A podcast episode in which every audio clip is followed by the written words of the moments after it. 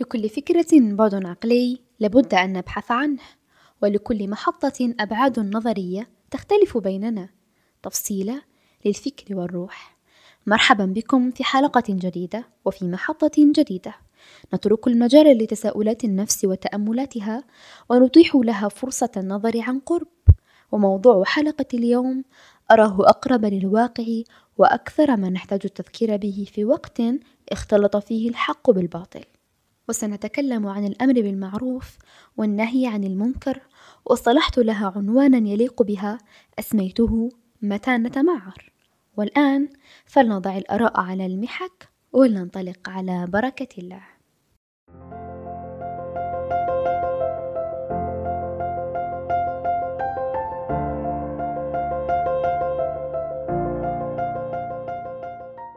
يقول عز وجل في كتابه بعد بسم الله الرحمن الرحيم كنتم خير أمة أخرجت للناس تأمرون بالمعروف وتنهون عن المنكر وتؤمنون بالله. بداية دعونا نعرج عن مفاهيم المصطلحات حتى نسمي الأمور بمسمياتها. ما هو المعروف وما هو المنكر حتى نعرف كيف نأمر وكيف ننهى. المعروف ما استحسن من الأفعال وما تعرفه النفس من الخير وتطمئن إليه والمنكر ما قبحه الشرع وحرمه وكرهه واستقبحه بذلك القلب لعواقبه وهو الشيء الذي يتنافى مع الفطرة السوية التي نعود إليها حينما تشتبك الأمور. يقول عليه الصلاة والسلام في الحديث النبوي الشريف الذي يحفظه معظمنا من رأى منكم منكرا فليغيره. بيده فإن لم يستطع فبلسانه فإن لم يستطع فبقلبه وذلك أضعف الإيمان. نصل الآن إلى العمق. ولكن دعونا نحلل ما يقصده النبي عليه الصلاة والسلام بقوله من رأى منكم منكرا فليغيره بمعنى أنت مطالب بتغيير المنكر مهما كانت الحالة التي كنت عليها. وسيفصل في درجة تغييره فيما بعد. معناه بما أنك فرد من المجتمع وترى المنكر مهمتك في هذه الحالة تغييره بمختلف المستويات التي جاءت في التكملة فليغيره بيده وهذا المستوى الأول والأعلى والأسبق ونرى الفورية هنا فليغير. بعدها أعطى الحلول عليه الصلاة والسلام في حال إذا ما تعذر التغيير باليد فقال فإن لم يستطع فبلسانه. وهو المستوى الثاني أن تنهى عن المنكر بالكلام بالوعظ أو النصيحة وغيرها. ولم يتوقف هنا بل وأعطى الحل الثالث حينما يتعذر علينا المستويين. قال فإن لم يستطع فبقلبه وذلك أضعف الإيمان. بمعنى إذا فشلت جميع المحاولات وخارت جميع القوى وتقطعت الأسباب فغير بقلبك وذلك أضعف الإيمان. وقال عليه الصلاة والسلام إن الناس إذا رأوا المنكر فلم يغيروه أوشك أن يعمهم الله بعقاب منه. وتحضرني في قضية تغيير المنكر بالقلب القصة التي وردت في الحديث القدسي الذي يرويه الصادق عن ربه يقول أمر رب العزة عبده جبريل أن يخسف الأرض بقرية عم فيها الفساد. فراجعه جبريل ليستفهم قائلا إن بها عبدك الصالح فلان. فقال له رب العزة به فابدأ. فاستغرب جبريل لماذا يا رب؟ فأجابه جوابا عظيما والذي نحتاج أن نتوقف طويلا عنده. قال له إن وجهه لم يتمعر يوما في. والمقصود بالتمعر هنا هو كره المنكر قلبا فقط وذلك أضعف الإيمان كما ورد في الحديث النبوي الشريف.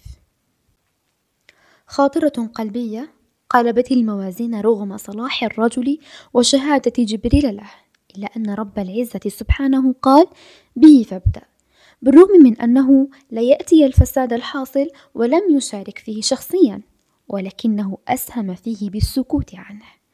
أسهم فيه عندما لم يتألم قلبه لرؤية المنكر وأخذته العزة بدينه وصلاحه فكان أمره بعد ذلك أن به فابدأ إننا نرى حال هذا الرجل الصالح يجسد حالة أمة بأكملها وإننا نعيش في عالم عاث فيه الفساد واختلط فيه الحابل بالنابل والأكرث من ذلك تلك اللامبالاة عما يحدث والجواب المتكرر دائما لا يهمني وليس من شأني.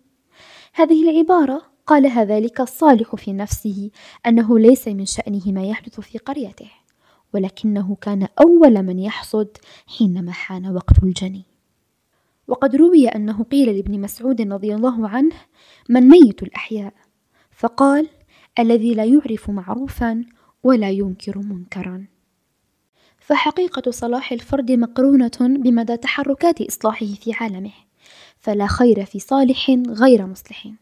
وكما يقول أحمد خير العمري في كتابه أدرينالين هو المحك الحقيقي الذي يبين صدق الالتزام من زيفه ويقصد بذلك قضية التمعر والآن دعني أضع لك مجموعة من الأسئلة اسأل بها نفسك هل تتألم عندما ترى مكروها؟ هل يؤذيك أن الإسلام يساء إليه وإلى رموزه؟ هل يزعجك أن أحد أقربائك لا يصلي؟ هل أزعجتك قضية التطبيع مع الكيان الصهيوني؟ هل أذاك الفساد السياسي في البلاد العربية؟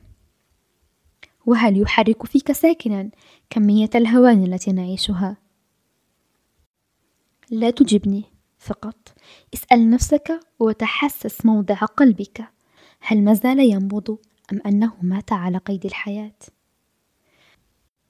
إنني لا أتكلم هنا عن تغيير المنكر باليد أو باللسان لأن الحقيقة عكس ذلك والواقع يفرض علينا ذلك أيضا. ولكني أتكلم عن تغيير المنكر بالقلب عن التمعر بعضلة واحدة لا أكثر. من منا لا يملك قلبه؟ أنا أتكلم هنا عن أضعف الإيمان عن أقل الواجب عن أدنى فعل يمكنك فعله. تنجي به نفسك وعالمك إن التساهل في قضايا كهاته لا يورث سوى التخاذل والذل والهلاك في جميع الحالات. من الآن وبعد سماعك لهذا البودكاست فأنت مسؤول. مسؤول عن تغيير المنكر بقلبك وذلك أضعف الإيمان. فمن للأمة الغرقى إذا كنا الغرقين والسلام عليكم ورحمة الله.